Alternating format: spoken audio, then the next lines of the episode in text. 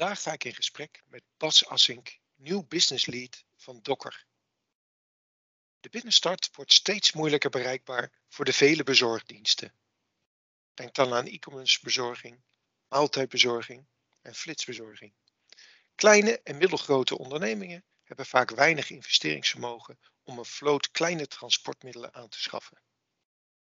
Docker zorgt ervoor dat ondernemers de binnenstad de baas zijn dat doen zij met flexibele contracten en elektrische voertuigen met voldoende laadruimte volgens het all-in principe.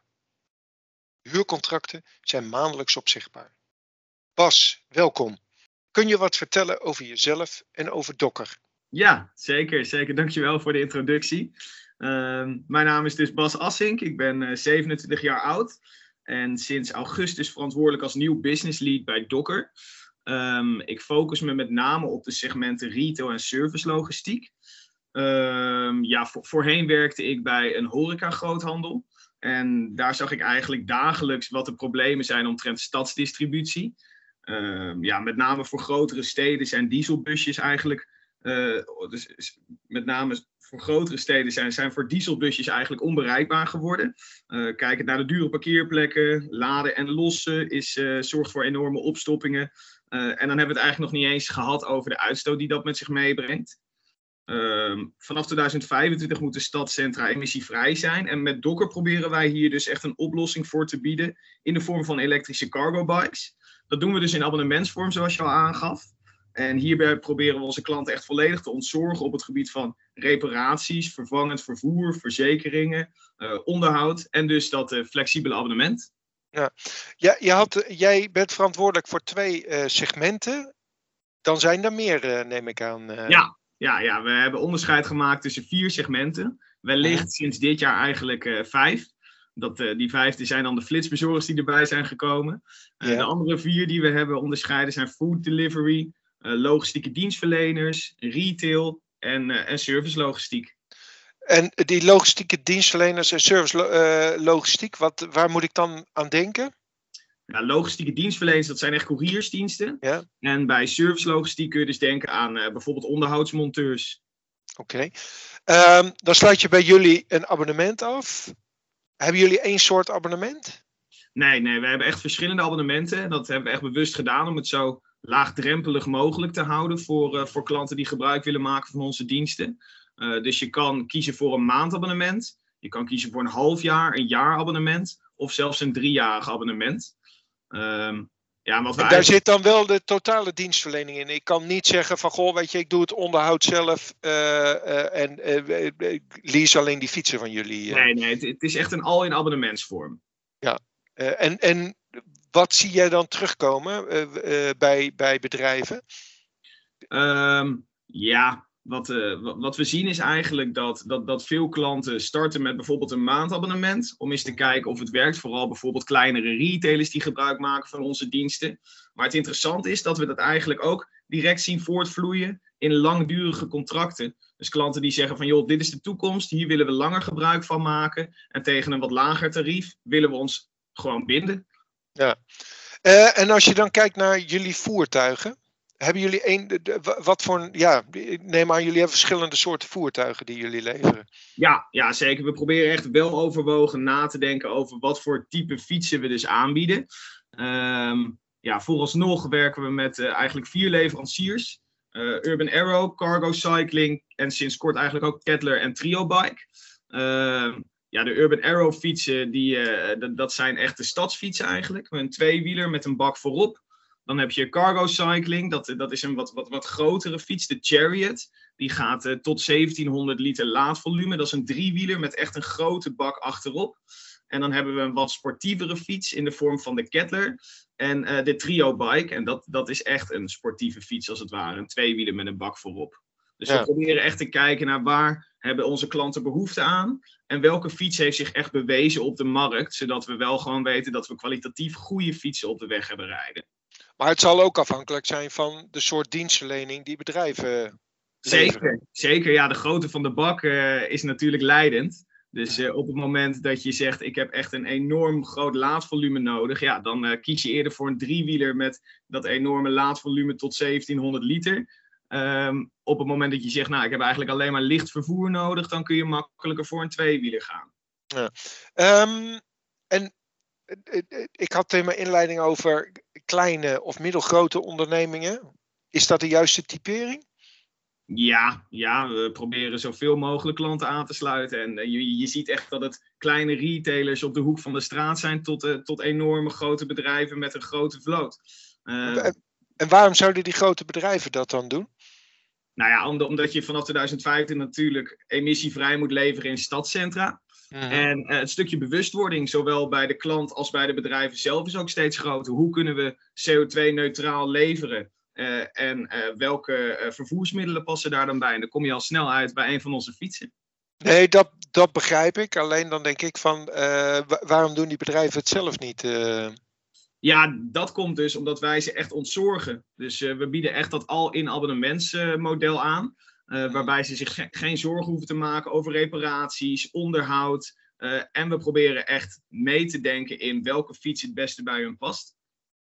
En ik neem aan dat ze dan een soort van, van kern hebben waarin ze de fietsen zelf beslissen, uh, bez, bezitten. En dat jullie dan een soort van flexibele schil beschikbaar stellen. Ja, ja, ja, dat is ook een optie inderdaad. We werken ook samen met partijen die gebruik maken van onze flexibiliteit. Dus die hebben bijvoorbeeld zelf uh, fietsen in eigen beheer. Alleen wij bieden ze de mogelijkheid om in drukke maanden op te schalen en ook weer af te schalen wanneer nodig. Um, waar zit dan precies het businessmodel in? Want uh, jullie zullen op een gegeven ogenblik een hele goede inschatting moeten maken van wat er voor een behoefte is aan transportbewegingen. ja, zeker. Zeker. Hoe, ja, doen, ja, hoe, doen jullie, hoe doen jullie dat? Nou ja, we hebben daar natuurlijk een team uh, met uh, expertise uh, voor in dienst. En mhm. zij, zij weten precies wat er, in de markt, wat er in de markt gebeurt. Dus we zijn continu aan het kijken welke fiets past het best bij je. Op welk abonnementsmodel kunnen we je het beste aansluiten. En waar is behoefte aan qua ontzorgen. Dat, dat begrijp ik. Maar ik kan me voorstellen dat uh, tijdens de feestdagen er ineens een enorme behoefte is aan, uh, nou, ik, ik noem maar de grotere cargo bikes. En dat je ze bij wijze van spreken in januari uh, terugkrijgt, daar, daar zit je denk ik ook niet op te wachten. Nee, alleen we zien dus eigenlijk dat superveel, met name retailers, ervoor kiezen om los van de feestdagen gebruik te blijven maken van onze fietsen. Dus ja, we hebben op dit moment zelfs een tijdje een wachtlijst gehad. Dat had ook te maken met, met wat supply chain issues. Um, dus ja, we hebben, het is niet zo dat we gigantisch veel fietsen stil hebben staan op dit moment, want het gaat supergoed. Ja, over die supply chain gesproken. Uh, we lezen veel over de problemen die er toch in de, in de fietsenbranche zijn. Wat zijn jullie ervaringen daarmee? Ja, dat, dat is wel een issue geweest. Uh, je, moet, je moet nagaan dat zo'n fiets misschien wel uit 150 onderdelen bestaat. Dus soms heb je 149 onderdelen paraat. Mist er één onderdeel en dan kan je fiets de weg niet op. Um, maar goed, we hebben dat eigenlijk continu in de kiem weten te smoren. Uh, door goede afspraken met leveranciers te maken, goed vooruit te plannen, wat hebben we wanneer nodig. En dat maakt het eigenlijk dat we ja, eigenlijk continu onze klanten max een week of twee, drie hebben moeten laten wachten op een fiets. En uh, ja, als je kijkt naar de rest van de markt, is dat behoorlijk snel. Nou ja, ik, ik kan me voorstellen met deze groeimarkt dat het niet leuk is om uh, twee of drie weken te moeten wachten voordat je een fiets beschikbaar hebt. Uh. Nee, nee, nee dat, dat was ook echt op het hoogtepunt hoor. Dus ja. ik moet zeggen dat we dat nu op dit moment niet zo, niet zo hebben. Mhm. Kan je iets vertellen, vertellen over de historie van, van Dokker? ja, zeker. We zijn, we zijn ontstaan eigenlijk uit een projectteam. Dat ging kijken naar verschillende mobiliteitsoplossingen binnen stadcentra met name. Dat heette ZUIS toen de tijd. Dat staat voor Zero Emission Urban Solutions. Um, ja, drie man sterk stond eigenlijk aan de voet van dit project. En kwam dus tot de conclusie dat stadsdistributie steeds problematischer werd. Uh, voor dus met name segmenten food delivery, logistiek, retail en service. Um, ja, in 2019 zijn we toen overgeheveld naar uh, Ponhoek. Dat is echt een onafhankelijk venture capital fund. Um, en sinds ongeveer twee jaar zijn we echt live. Waarbij we ongeveer anderhalf jaar geleden de markt echt zijn gaan bestormen. En inmiddels ook actief in België en Duitsland. En zo proberen we zoveel mogelijk bij te dragen aan de verduurzaming van met name stadcentra. Mm -hmm. um, dat is interessant. Als je, als je nou eens terugkijkt, waar, waar zijn jullie tegenaan gelopen in zeg maar die groeispurt die jullie gemaakt hebben? Ja, ehm, ik denk veranderende klantbehoeften. Dus we hebben continu moeten bijschakelen van welke, welke vervoersmiddelen bieden nou echt een oplossing voor een klant. Nou ja, het stukje supply chain waar we het net al over hadden. Ehm, en ja, het gaat supergoed, dus dat brengt ook groeipijn met zich mee. Dus aan de achterkant zijn er soms wat systemen die net niet helemaal lekker op elkaar aansluiten. Ehm, maar ik moet zeggen dat we daar echt gigantische stappen in, in aan het maken zijn. En het vinden van de juiste mensen, is dat nog iets wat bij jullie speelt? Ehm, ja, we zijn uh, volgens mij uit mijn hoofd van een mannetje of negen naar 25 gegroeid. Dus het is niet zo uh, dat we niet aan de mensen komen. Maar het is wel zo dat we gewoon gigantisch aan het groeien zijn. En eigenlijk continu uh, op zoek zijn naar, naar mensen. Hoe, hoe doen jullie dat dan? Want ik kan me voorstellen dat Docker nou niet uh, de eerste naam is en het meest bekend is bij, uh, bij jonge mensen. Ehm, hoe zorgen jullie dat je de juiste kwaliteit mensen in je organisatie krijgt? Ja, daarvoor hebben we natuurlijk iemand aangenomen die, die onze HR compleet op zich neemt. en daarnaast is het eigenlijk zo dat iedereen inmiddels de, de, de bakfiets met de roze sticker onder het zadel wel goed kent. Dus uh, ja, met name ook sinds, uh, sinds dat we met, met flitsbezorgers samenwerken, denk ik dat we enorm veel aan onze naamsbekendheid hebben gedaan. En het is natuurlijk gewoon de toekomst. Iedereen ziet wel in dat dit gewoon het duurzame alternatief is om stadsdistributie toegankelijker te maken. Dus uh, ja, aan interesse geen gebrek. ja. Um, als je nou eens even kijkt, hè, jullie, jullie, we, we hadden het al over de retail e-commerce branche. Wat, wat zie je als belangrijkste ontwikkeling daarin? Ja, ja, ik denk dat het een beetje een open deur is, maar de, de offline omzet is natuurlijk afgenomen, vooral uh, sinds we weer in een nieuwe lockdown zitten. Online omzet alleen maar toegenomen. En dat zorgt er ook voor dat, dat, ja, dat retailers eh, moesten schakelen. Dus die moesten opeens uh, vol op de online markt gaan inzetten. En dat brengt natuurlijk ook bezorgmomenten met zich mee. En ja, we zien echt dat van de grotere retailers als Coolblue, et cetera, tot de, de, de, de slijterij op de hoek gebruik is gaan maken van, uh, van de fietsen die wij, uh, die wij dus in abonnementsvorm aanbieden. Um, verder wellicht interessant dat er ook veel couriersdiensten zijn die, uh, die ja, sinds de coronacrisis zijn gestart met met name duurzame leveringen. En dat dat eigenlijk ook centraal staat in de mindset van zowel de retailers bij deze als de couriersdiensten als de klant. Dus ja, ik denk dat dat wel belangrijke ontwikkelingen zijn. En eh, jullie bedrijf houdt zich dan eigenlijk uitsluitend tot dit moment nog bezig zeg maar, met de hardware, dus met, met de fiets en uh, de dienstverlening die erachter zit. Jullie hebben verder niks met de couriers zelf uh, van doen. Uh... Nee, nee, nee, nee. We leveren nog geen, geen riders die, die de fietsen gaan, gaan, gaan, gaan bereiden. Je zegt nog, maar Zit dat, zit dat nog in jullie businessmodel naar de toekomst toe? Ja, zeg nooit nooit, maar op dit moment is het nog geen issue. We gaan, uh, we gaan ons eerst op andere zaken focussen. Ja. Uh, Bas, we hebben het er uh, denk al wel over gehad, maar als je nou eens even specifiek naar die distributie kijkt, wat, wat zie jij daar als belangrijke ontwikkelingen? Ja, dat, uh, dat stadcentra emissievrij moeten zijn vanaf 2025 en dat die bewustwording bij bedrijven steeds groter wordt. Um, met name, we zien bijvoorbeeld ook in, in, in, binnen de servicelogistiek, hè, dus grote partijen als Veenstra en Ziggo, die steeds meer aan het nadenken zijn op welke manier ze die stadsdistributie het beste kunnen doen. Dus servicemonteurs op de fiets de stads, het, het stadscentrum in kunnen sturen. Daar denken wij natuurlijk graag aan mee. Um, verder denk ik voor wat betreft de retail dat die winkelbeleving ook echt belangrijk wordt in de distributie. Dat tijdens de distributie die winkelbeleving tot aan de deur moet worden geleverd. En dat zie je bijvoorbeeld ook terug bij, uh, bij bedrijven als Coolblue.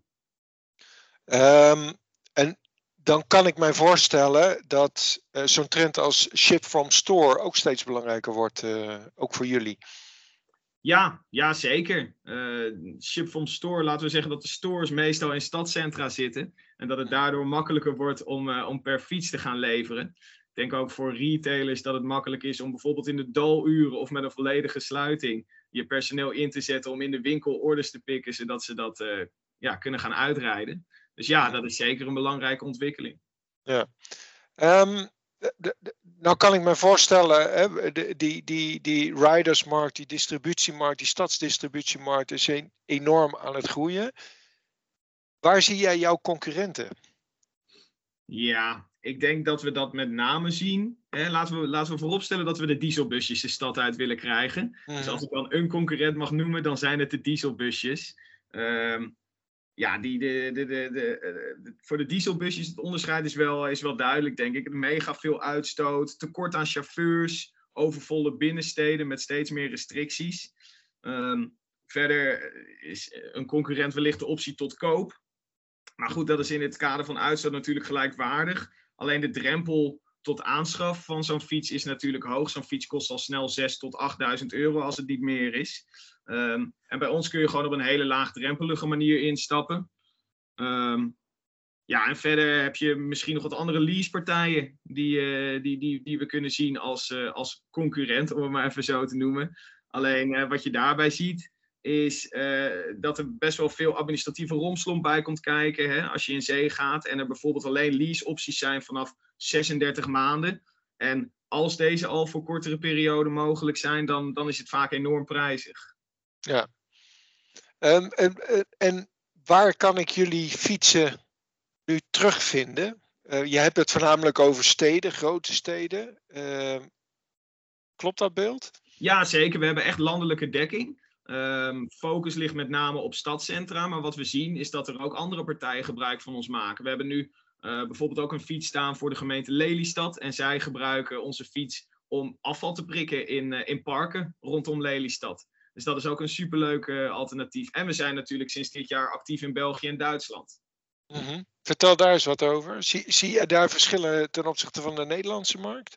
Ja, die, die, die zijn er zeker. Um, ik denk dat bijvoorbeeld uh, de, de Belgen die hebben meer behoefte aan een, aan een sportievere fiets. Uh, die, zien, uh, die zien fietsen bijvoorbeeld echt als, als, als sport waar wij het meer zien als een stadsfiets, hè, om gewoon van A naar B te komen, zijn zij een veel sportievere rider. Um, daar hebben we ons trouwens ook weer op aangepast, want we hebben nu de Trio Bike. Dat is echt een hele sportieve fiets waarop je heel sportief zit. Um, en die is met name in België bijvoorbeeld succesvol. Dus ja, er zijn echt wel verschillen. Mm en, en met Duitsland? Um, ja, met Duitsland is het zo dat we, we, we hebben daar een ex expansiemanager zitten. Die is op dit moment heel erg bezig om te kijken naar die verschillen. En daar willen we echt dit jaar heel erg gaan groeien. Um, super veel potentie, maar heel specifieke verschillen zou ik je zo nog niet kunnen noemen. En, en zeg je dan, doen jullie dat vanuit Nederland of werken jullie vanuit het kantoor vanuit België en Duitsland? Uh? Nou, we hebben in beide landen een expansiemanager zitten. En zij gaan daar ook echt een team opbouwen en uiteindelijk ook met een hub werken waar we onze fietsen kunnen stallen. Uh, een, een hub, van daaruit kan je dan het onderhoud uh, uh, doen? Ja, op dit moment wordt dat gedaan door onze servicepartner. Die heeft landelijke dekking en ook in Duitsland en België actief. Dus, dus dat is top. Um, maar meer dat we vanaf daar ook gewoon een hub hebben met fietsen klaarstaan ja. voor klanten. Uh, jij zegt een servicepartner. Dat doen jullie niet zelf, maar jullie hebben dat uitbesteed. Uh... Ja, ja, ja. Dat, dat doen we via GetBike Services. En die, die rijden met busjes dan rond in het land? Ehm, ja, zijn waar ze... preventief onderhoud en reparaties. -huh. Oké. Okay. Um, ja, hoe, hoe vinden jullie nieuwe klanten dan? Want hè, zoals je het beschrijft, is natuurlijk best de dienstverlening heel uitgebreid. Um, hoe hebben jullie dat georganiseerd? Ja, we hebben natuurlijk een, een sales team waar ik onderdeel van uitmaak. En uh, wij zijn eigenlijk continu aan het kijken binnen welke sectoren er nieuwe klantgroepen kunnen worden aangeboord. Dus uh, ja, zoals ik net al aangaf, gemeentes tonen steeds meer interesse. Uh, we zijn online best wel actief om te kijken hoe we uh, mogelijke nieuwe doelgroepen het beste kunnen, kunnen aanboren. Dus uh, ja, daar zit echt een team op. En ja. we zien eigenlijk hè, dat steeds meer klanten ook gewoon richting ons komen. En jullie weten te vinden op dit ja, moment. Zeker. Ja, ja. ja. ik kan me voorstellen dat data straks ook een hele interessante uh, onderdeel van jullie propositie kunnen zijn. Is dat zo en kun je daar iets over vertellen? Ja, ja dat, uh, dat is zeker zo. En we proberen daar ook zoveel mogelijk mee bezig te zijn. alleen ik denk dat sommige partijen daar zelf ook al wat, wat, wat zaken voor klaar hebben liggen. Die kijken al van hoeveel kilometer wordt er nou gereden, wat is nou efficiënter en wat levert het ons op om te leveren via de bikes. Um, voorbeeld is dat, dat je binnen een bestelbusje bijvoorbeeld uh, zes pakketten kan afleveren in een uur. En op onze cargo bike uh, tot tien pakketten per uur. Dus dat dat echt al een wezenlijk verschil is. Um, verder is het zo dat we ook wel aankomend jaar stappen willen maken in, in, in, in, in IoT op de fietsen. Dus dat zit er nu nog niet in?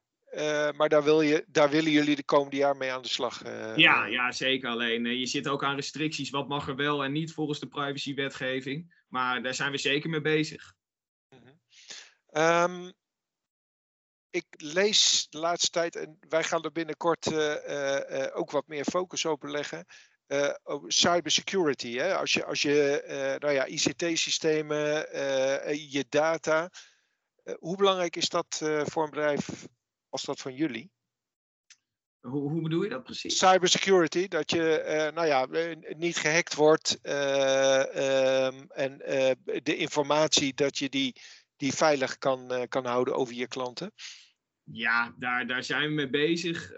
Is dat op dit moment belangrijk? Ik, ik durf het eigenlijk niet te zeggen. Is niet mijn tak van sport. Nee, oké. Okay. La, laten we het daar even bij. Um, ik kan natuurlijk heel makkelijk even de, de, de link van jullie businessmodel richting, richting duurzaamheid. het is natuurlijk een, een, een nou ja, duurzame manier om goederen te bezorgen. Als je kijkt naar duurzaamheid, hoe Zie je dat verder bij jullie terug? Ja, dat is eigenlijk het grondbeginsel van waaruit Docker is ontstaan. En het is echt niet zo dat we een filantropische organisatie zijn die de wereld gaat redden, maar we zijn continu wel bezig met hoe zorgen we ervoor dat, dat we met name dieselbusjes de stad uit krijgen. En uh, uh, hoe zorgen we ervoor dat we alle vormen van last mile delivery vergroenen. En ja, ons speerpunt is eigenlijk dat mobiliteit eenvoudig, toegankelijk en duurzaam moet zijn. Uh, ja, en dat is eigenlijk wat ons continu drijft. En, en wat is dat dan met die fietsen die terugkomen? Kunnen jullie daar op dit moment nog wat mee? Uh, met de fietsen die terugkomen. Ja, ja, die zo efficiënt mogelijk weer inzetten. Maar dat, dat wil wel met de aanwas die we, die we momenteel krijgen. Ja, ja. ja. Uh, dus dan is het repareren en uiteindelijk andere, uh, andere stickers erop. En dan kan die weer door naar de volgende. Zeker, ja, ja absoluut. En als je kijkt naar de toekomst, waar, waar zit voor jullie de groei? Um, nou, ik denk in ons aanbod. We zijn uh, momenteel bijvoorbeeld ook aan het piloten met uh, licht elektrische voertuigen, LEFs. Uh, we zijn aan het kijken naar, andere types fietsen. ja, dat is eigenlijk iets wat ons continu bezighoudt. dus ook de ontwikkeling op zo'n fiets gaan we wellicht meer met IoT doen. Ehm, ja, dat zijn wel thema's die ons bezighouden. En daarnaast natuurlijk expansie. We zitten nu in Duitsland en België en daar willen we nog veel groter worden. En wellicht dat we ook nog naar andere landen uitwijken aankomend jaar. Oké, okay. spannende ontwikkelingen. Zeker. Uh, ja. um, even tot slot, Bas. Ehm, als, je, als je nou zou kijken, wat, wat, wat voor tips tip zou je kunnen geven aan andere ondernemers? Um, ja, ik denk dat je continu op zoek moet zijn naar partnerships. Dus kijken hoe je elkaar kunt versterken. Um, flexibiliteit dus bewaren. Dus wij zijn, wij zijn continu aan het kijken met onze klantgroepen. Welke fietsen passen bij jullie en hoe kunnen we jullie daar tussentijds nog in bijsturen uh, door voor andere modellen te kiezen. Um, ja, en, en ik denk de balans bewaren tussen meer willen doen of juist specialiseren. Dus worden we echt zeg maar de cargo bike uh, uh, aanbieder in onze abonnementsvorm zoals die nu is. En gaan we ons daarin specialiseren? Of gaan we dat nog veel breder trekken en echt een mobiliteitsaanbieder worden? Ik denk dat die balans uh, belangrijk is om te bewaken. Ja, ja. Oké. Okay. Bas, dankjewel voor dit gesprek. Jullie ook uh, dank voor het luisteren naar deze podcast. Uh, voor andere podcasts verwijs ik je graag naar uh, ing.nl. Bas, uh, dankjewel. Yes, dankjewel. Fijne dag.